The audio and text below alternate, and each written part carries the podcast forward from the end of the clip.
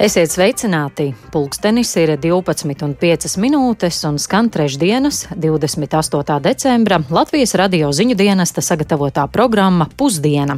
Ar to studijā Daira Zīle. Ieskatīsimies raidījuma tematos. Kosova apsūdz Serbiju centienos destabilizēt valsti un saskata Krievijas intereses. Es aicinu Kosovas serbus nekļūt par upuriem Serbijas prezidenta Vučiča vai kāda cita politiskiem aprēķiniem. Viņu nākotne ir Kosovā, lai dzīvotu mierā un harmonijā kopā ar visiem pārējiem.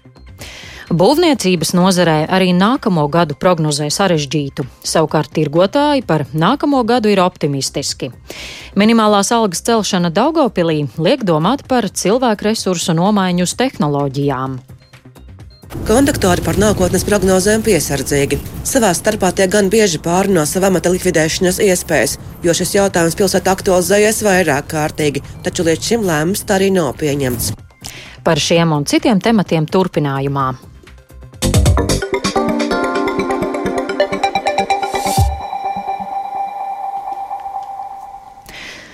Kosova ir apsūdzējusi Serbiju mēģinājumos destabilizēt nelielo Balkānu valsti.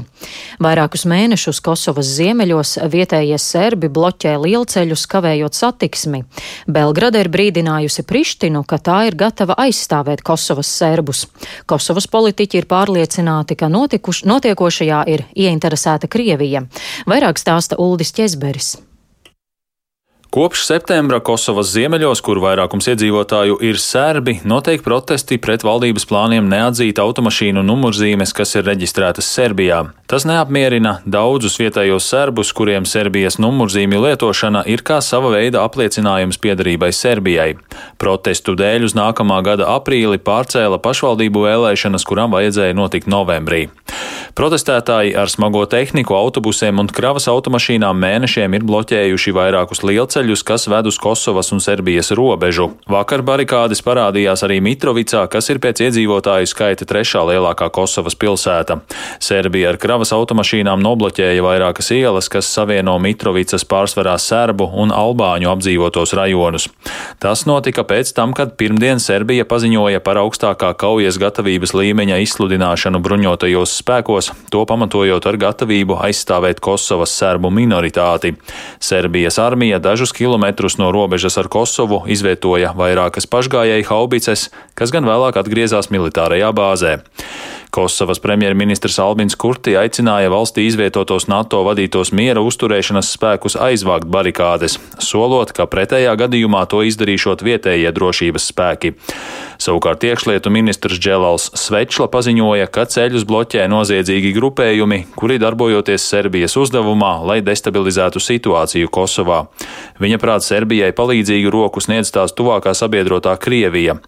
Tā domā arī bijušais Kosovas premjerministrs Ramušs Haradinais. Es aicinu Kosovas serbus nekļūt par upuriem Serbijas prezidenta Vučiča vai kāda cita politiskiem aprēķiniem.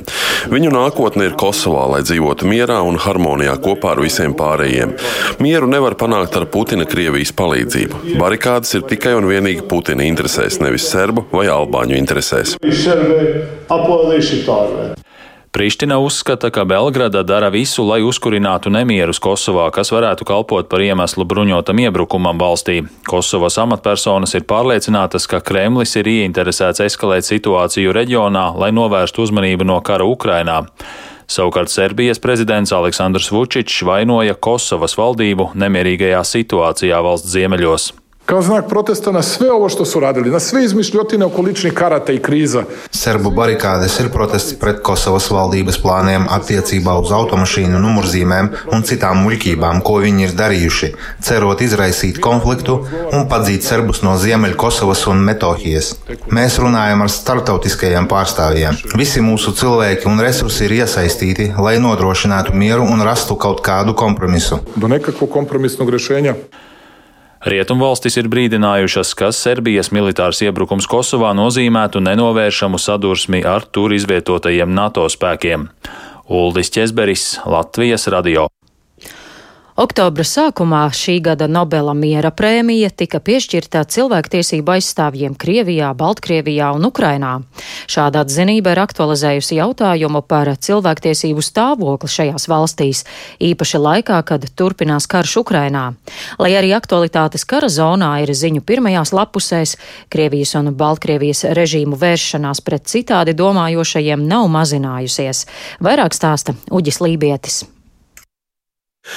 Šodien aprit tieši gads kopš Krievijas augstākā tiesa pavēlēja likvidēt cilvēktiesību aizstāvības grupu Memoriālu, kas ir viena no vecākajām tiesību grupām valstī. Par spīti šim aizliegumam tieši Memoriāla bija viens no šī gada Nobela miera prēmijas laureātiem. Ņemot vērā, ka arī pirms gada Nobela miera prēmiju saņēma izdevuma Novai Gazeta galvenais redaktors Dmitrijs Murātovs, šis ir bijis ļoti spēcīgs vēstījums Kremlim. Kā šajā gada nogalē izteicies viens no Memoriāla valdes locekļiem Oļegs Orlovs, kopumā situācija cilvēktiesību jomā Krievijā ir tikai tikai pasliktinājusies. Pašlaik Krievijā ir apdraudēti pilnīgi visi, kuri kaut vai nedaudz kritiski izsakās par varas iestāžu darbībām. Jebkura no varas neatkarīga iniciatīva varas iestādēm nav pieņemama. Ir izveidots milzīgs sazarots mehānisms jaunām represijām. Orlovs arī norāda, ka nebūtu pareizi kritizēt visus Krievijas iedzīvotājus par nevēlēšanos protestēt pret pastāvošo režīmu. В начале войны было мощнейшее антивоенное движение. Kara sākumā Krievijā bija ļoti plaša pretkara kustība, un, manuprāt, Eiropā tas nav pietiekami labi saprasts un novērtēts. Pēc tam notika agresīva vēršanās pret šiem pretkara aktīvistiem. Tika iesniegts milzīgs daudzums petīciju, daudzi zinātnes un kultūras cilvēki publiski izteicās pret šo karu. Bieži vien par neprotestēšanu tiek kritizēta arī Baltkrievijas iedzīvotāji, kur liktenis daudzkārt atbilst tieši Oļa Gorlova aprakstītajiem. Ja vēl 2020. gadā daudz iedzīvotāji izgāja ielās, lai protestētu pret vēlēšanu rezultātu viltošanu un tam sekojošo vardarbību, tad pēc pamatīgajām represijām tūkstošiem cilvēku nonāca aiz restēm. Un ar to tiek skaidrot arī protesta kustības apsīkšana. Taču arī Baltkrievu cīņa par cilvēktiesību ievērošanu izpelnījās Nobela miera prēmiju cilvēktiesību centra viesnā līderim Haļesam Beļatskim. Taču, ja memoriāla pārstāvji uzskata, ka Nobela miera prēmija viņus vismaz uz kādu laiku varētu nedaudz pasargāt, Haļes Beļatskis turpina atrasties cietumā un tur nonāk ar vien vairāk aktīvistu un režīma kritizētāju. Kā paziņojušas Baltkrievijas varas iestādes, šī gada laikā viena esot atklāti 5000 ar ekstrēmismu saistītu darbību. Taču starp šiem ekstrēmistiem galvenokārt gan atrodami žurnālisti žurnālisti, aktīvisti, blogeri, arotbiedrību pārstāvi, kultūras un izglītības darbinieki. Pakāpeniski turpina tiesāt arī 2020. gada protesta dalībniekus, un šajā nedēļā Minskas tiesa piesprieda pirmos attālinotos tiesas spriedumus diviem aktīvistiem no sporta aprindām. Baltkrievijas sporta solidaritātes fonda pārstāvjiem Aleksandram Opeikinam un olimpiskajai vicečempionai un pasaules čempionai peldēšanā Aleksandrai Herasimeņai katram piespriests 12 gadu ilgs cietumsots par aicinājumiem atbalstīt pret Baltkrievijas režīmu ieviestās sankcijas. Paužot savu attieksmi pret šo soda mēru, trimdā dzīvojošā Aleksandra Herasimeņa paziņoja, ka attālināti viņu var arī nošaut. Savukārt Aleksandrs Opēkins intervijā Baltkrievu medijiem norādījis, ka spriedums nav bijis pārsteigums. Mēs joprojām cenšamies panākt režīma sporta izolāciju. Nevis Baltkrievu sporta, bet Lukašenko režīma sporta. Tā ir jābūt starptautiskajai izolācijai kā sodam par cilvēktiesību pārkāpumiem. Paralēli mēs strādājam pie politieslodzīto atbalsta programmas. Tāpat mēs no janvāra sāksim programmu, lai atbalstītu arī ukraiņu sportistus, kuri pašlaik ir spiesti turpināt savu karjeru tādos ļoti smagos apstākļos kara laikā. Baltkrievijas sporta solidaritātes fonda prioritātes nav mainījušās. Mēs atbalstām neatkarīgo Baltkrievu sportu, nodarbojamies ar cilvēktiesību darbību un cenšamies nodibināt kontaktus ar citu Eiropas valstu olimpiskajām komitejām. Kā liecina cilvēktiesība aizsardzības centra viesnā apkopotā informācija, pašlaik Baltkrievijā par politiskiem ieslodzītajiem ir uzskatāmas 1439 personas. Uģis Lībijams, Latvijas Radio.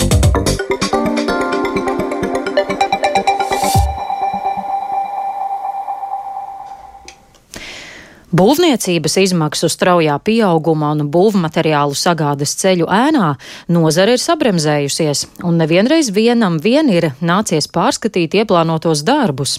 Ņemot vērā esošos faktorus, nozarē arī nākamo gadu prognozē kā sarežģītu, un par to vairāk pastāstīs Jānis Kincis, ar kuru esam sazinājušies. Sveiks, Jānī! Kā tad izmaksu pieaugums ir ietekmējis norises būvniecības nozarē? Sveiki, Dairis, sveicināti radio klausītāji. Būvniecības joma ir viena no tām, par kuras uzlabojumiem pēc Covid pandēmijas raisītajiem izaicinājumiem bija cerējusi ekonomikas ministrija. Tomēr realitāte nav tik vēlīga. Augot būvmateriālu cenām un saglabājoties lielam neaizpildīto vakanču skaitam, īstenoto objektu apjoms ir ar mīnusu zīmi jau sesto ceturksni gan ēku celtniecībā, gan nojaukšanā, gan arī inženierbūvju tapšanā. Attiecīgi ir mazinājies arī izsniegto jauno būvatļauju skaits. Un viens no iemesliem šiem apstākļiem likumsakarīgi ir būvniecības izmaksu pieaugums, kas visu šo gadu ir bijis virs 20% salīdzinot ar laika posmu tieši pirms gada. Un Centrālā statistikas pārvalde šodien publiskos aktuālāko datu apkopojumu par būvniecības izmaksu pieaugumu novembrī Izvērtējot ap 200 būvniecības uzņēmumu un vairāk nekā 50 tirdzniecības uzņēmumu sniegtos datus. Iepriekšējais apkopojums par situāciju oktobrī apliecināja, ka salīdzinot ar laiku pirms gada, būvmateriālu izmaksas ir pieaugušas par teju ceturto daļu. Mašīnu un mehānismu uzturēšanas un eksploatācijas izmaksas par 18,4%, bet strādnieku darba samaksa augusi par 10,4%. Oktobrī vien būvniecības izmaksas mēneša laikā pieauga par nepilnu procentu procentu punktu. Un, būvniecības izmaksu vidējo līmeni visvairāk ir ietekmējis cenu pieaugums tādiem materiāliem kā smiltis, betons, dolomītas ķembas un sausie javas maisījumi. Un šīs problēmas pieminēja arī daļa no cilvēkiem, kurus es pirms neilga laika uzrunāju pie kāda būvmateriāla veikala Rīgā. Šorīt īsi aprunājos pārsvarā ar celtniecībā strādājošajiem, kas bija ieradušies pēc kādiem materiāliem. Un, uh, Kādam darba dzīvē šogad nekādu būtisku izmaiņu nav, savukārt cits strādā atbilstoši atbilstoši augstākām izmaksām pielāgotai tāmei. Tā privātajā būvniecībā šogad ir bijusi ierasta prakse. Bet kādu nākamo gadu prognozē būvniecības nozarē? Nu jā, kā jau minēju, šogad izmaksu pieauguma apstākļos ir bremzēti gan sāktie projekti, gan darbi Eh, jaunos būvobjektos, arī nākamajā gadā milzu izaugsme nesot prognozējama, jo nenoteiktība ir mazinājusi privāto investoru vēlmi būvēt. Tāpēc vēl jau būtiskāka loma nozares asinsritē būs valsts pasūtītajiem, valsts un pašvaldību pasūtītajiem projektiem, tā skaitā no vērienīgā Eiropas atvesļošanās fonda. Šo procesu gan eh, kā iekavētu vērtē Latvijas būvuzņēmēju partnerības vadītājs Gins Miķelsons. Varam paklausīties viņa teikto par nākamā gada prognozēm. Skaidrs, ka tas kritums ir jāapstādina, nu, kaut kā nozara ir jāstabilizē gan publiskajā pasūtījumā, gan arī komerces sektorā. Un arī attiecībā uz izmaksām šobrīd mēs vēl tā īsti nesaprotam, kā enerģētikas turbulence vēl atsitīs uz, uz būvmateriālu izmaksām. Ja? Nu, tad mūsu tāda sajūta ir, ka tie apjomi nākamgad arī vēl turpinās krist vismaz pirmo ceturksni pusgadu un cenas varētu joprojām svārstīties 10% robežās uz augšu, jo ir daudz nezināmie. Un, uh, tas viss atkal sākās no, no, no pārsvarā no būvmateriāla pieejamības. Jā, vienlaikus gan Gins Miķelsons ir cerīgs, ka līdz ar enerģētikas jomas pārnešanu uz uh, jaunizveidoto klimatu un enerģētikas ministriju, turpmāk ekonomikas ministrijā nekustamo īpašumu attīstības jautājumu kļūs par nozari numuru viens. Šogad gan, vairāk, šogad gan vairākas būtiskas lietas jau esot īstenotas, mazināta birokrātija būvniecības regulējumā, attīstīta digitālās datu aprites sistēma, tāpat darbs vēl turpināms ēnu ekonomikas problēmu mazināšanā šajā nozarē. Nu, jā, tātad par aktuālo būvniecības jomas izmaksu statistiku un cilvēku pārdomas par šīm problēmām. Par to sīkāk izklāstīšu reportāžā dienas notikuma apskatā. Paldies par situāciju būvniecības nozarei sarunājos ar kolēģi Jāni Kinci. Bet tirgotāji nākamo gadu sagaida optimistiski, ņemot vērā, ka Ziemassvētku laikā cilvēki ir iepirkušies tāpat kā vienmēr. Tā intervijā Latvijas radio pauda tirgotāju asociācijas vadītājs Henriks Danusevičs. Viņš arī norāda, ka nākamo gadu ietekmēs tas, kādi būs ieņēmumi iedzīvotājiem, kā arī valsts ekonomiskā situācija. Sākoties karam, kad būtiski mainījās preču iepirkuma iespējas, bija jāmeklē alternatīva dažādiem produktiem, piemēram, sālim un eļļai. Tāpat jātiek galā arī ar augošajām tirzniecības izmaksām energoresursiem, kā arī ar algām. Pēdējie divi gadi ir bijuši atšķirīgi, bet abi divi ir bijuši sarežģīti. Ja pagājušais gads mums bija tāds izdzīvošanas gads ar dažādiem ierobežojumiem, tad šogad bija jāpierāda sava meistarība, pārvarot trīs tādus smagākus posmus. Pirmais bija tad, kad uh, sākās karš Ukrainā, tad um, būtiski mainījās preču iepirkuma iespējas un bija jāmeklē alternatīva dažādiem produktiem. Atcerēsimies kaut vai sāli, kas pazuda no veikaliem, eļas cenas, kas uzkāpa debesīs un tam līdzīgi.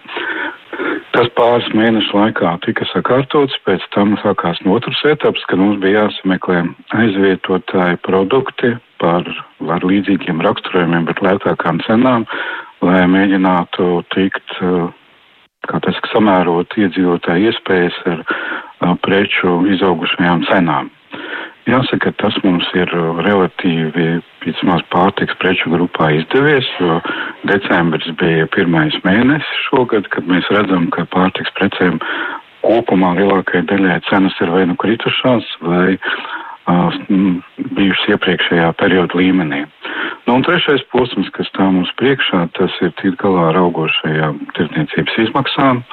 Tie ir gan energoresursi, gan darba spēka izmaksu pieaugums, gan arī jaunas valsts ieviestas, teiksim, papildus ražošanas izmaksas, uz kurām mēs nebijām gatavi preču piegāde. Tagad tas jautājums ir pilnībā sakārtojies, un uh, tur tā kā kādi pārsteigumi vairs nevar būt. Nē, pārsteigumi nekādi nevar būt. Var mainīties vēl preču piegādātāji jo Eiropas komisijā izskatīšanā ir direktīva, kas nosaka, ka tirgotājiem būs jāpazīst savi piegādātāji, un piegādātājiem būs jāievēro virkne prasības, kas saistīts ar ekoloģiju, teiksim, atbilst, atbilstošu darbalgas maksāšanu tajās ražotnēs, no kurām tirgotāji iepērk produktus. Līdz ar to, principā, samazināsies um, iespējamais preču piegādes tirgus. Domāju, ka būs vairāk preces, kas tiek ražotas Eiropas Savienības vai Eiropas ekonomiskās zonas valstīs, un mazāk būs preču no tā teiktām lētajām ražošanas valstīm, kur netiek ievērot Eiropas komisijas noteiktie standarti uz ziemas laiku iespējams, ka vēl būs kādi darba laika ierobežojumi, lai samazinātu izmaksas, tiks pārskatīti energotaupības pasākumi un pēc iespējas mm, automatizēta ražošana, lai varētu uh, palielināt algas atbilstoši cilvēku nepieciešamībai, jo arī tirgūrniecības darbinieki ir patērētāji, un arī viņiem ir jātiek galā ar šo cenu pieaugumu, līdz ar to arī algas mums ir jāpalielina. Ar Henriku Danuseviču sarunājās Lauris Zvejnieks.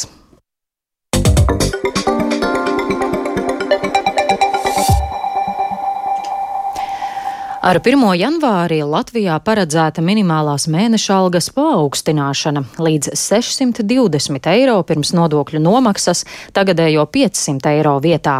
Vadoties no tā, tikai uzņēmuma Daugopils satiksme konduktoru algu izmaksa ar nākamo gadu pieaugs par pusmiljonu un kopumā būs pusotra miljona eiro apmērā. Tas liek Daugopils domai aizdomāties par pilsētnieka kartes ieviešanu un pasažieru elektroniskās sistēmas pielāgošanu pilsētas sabiedriskajā transportā. Vai tas draud ar masveida konduktoru atlaišanu, par to plašāk Silvijas smagaras ierakstā.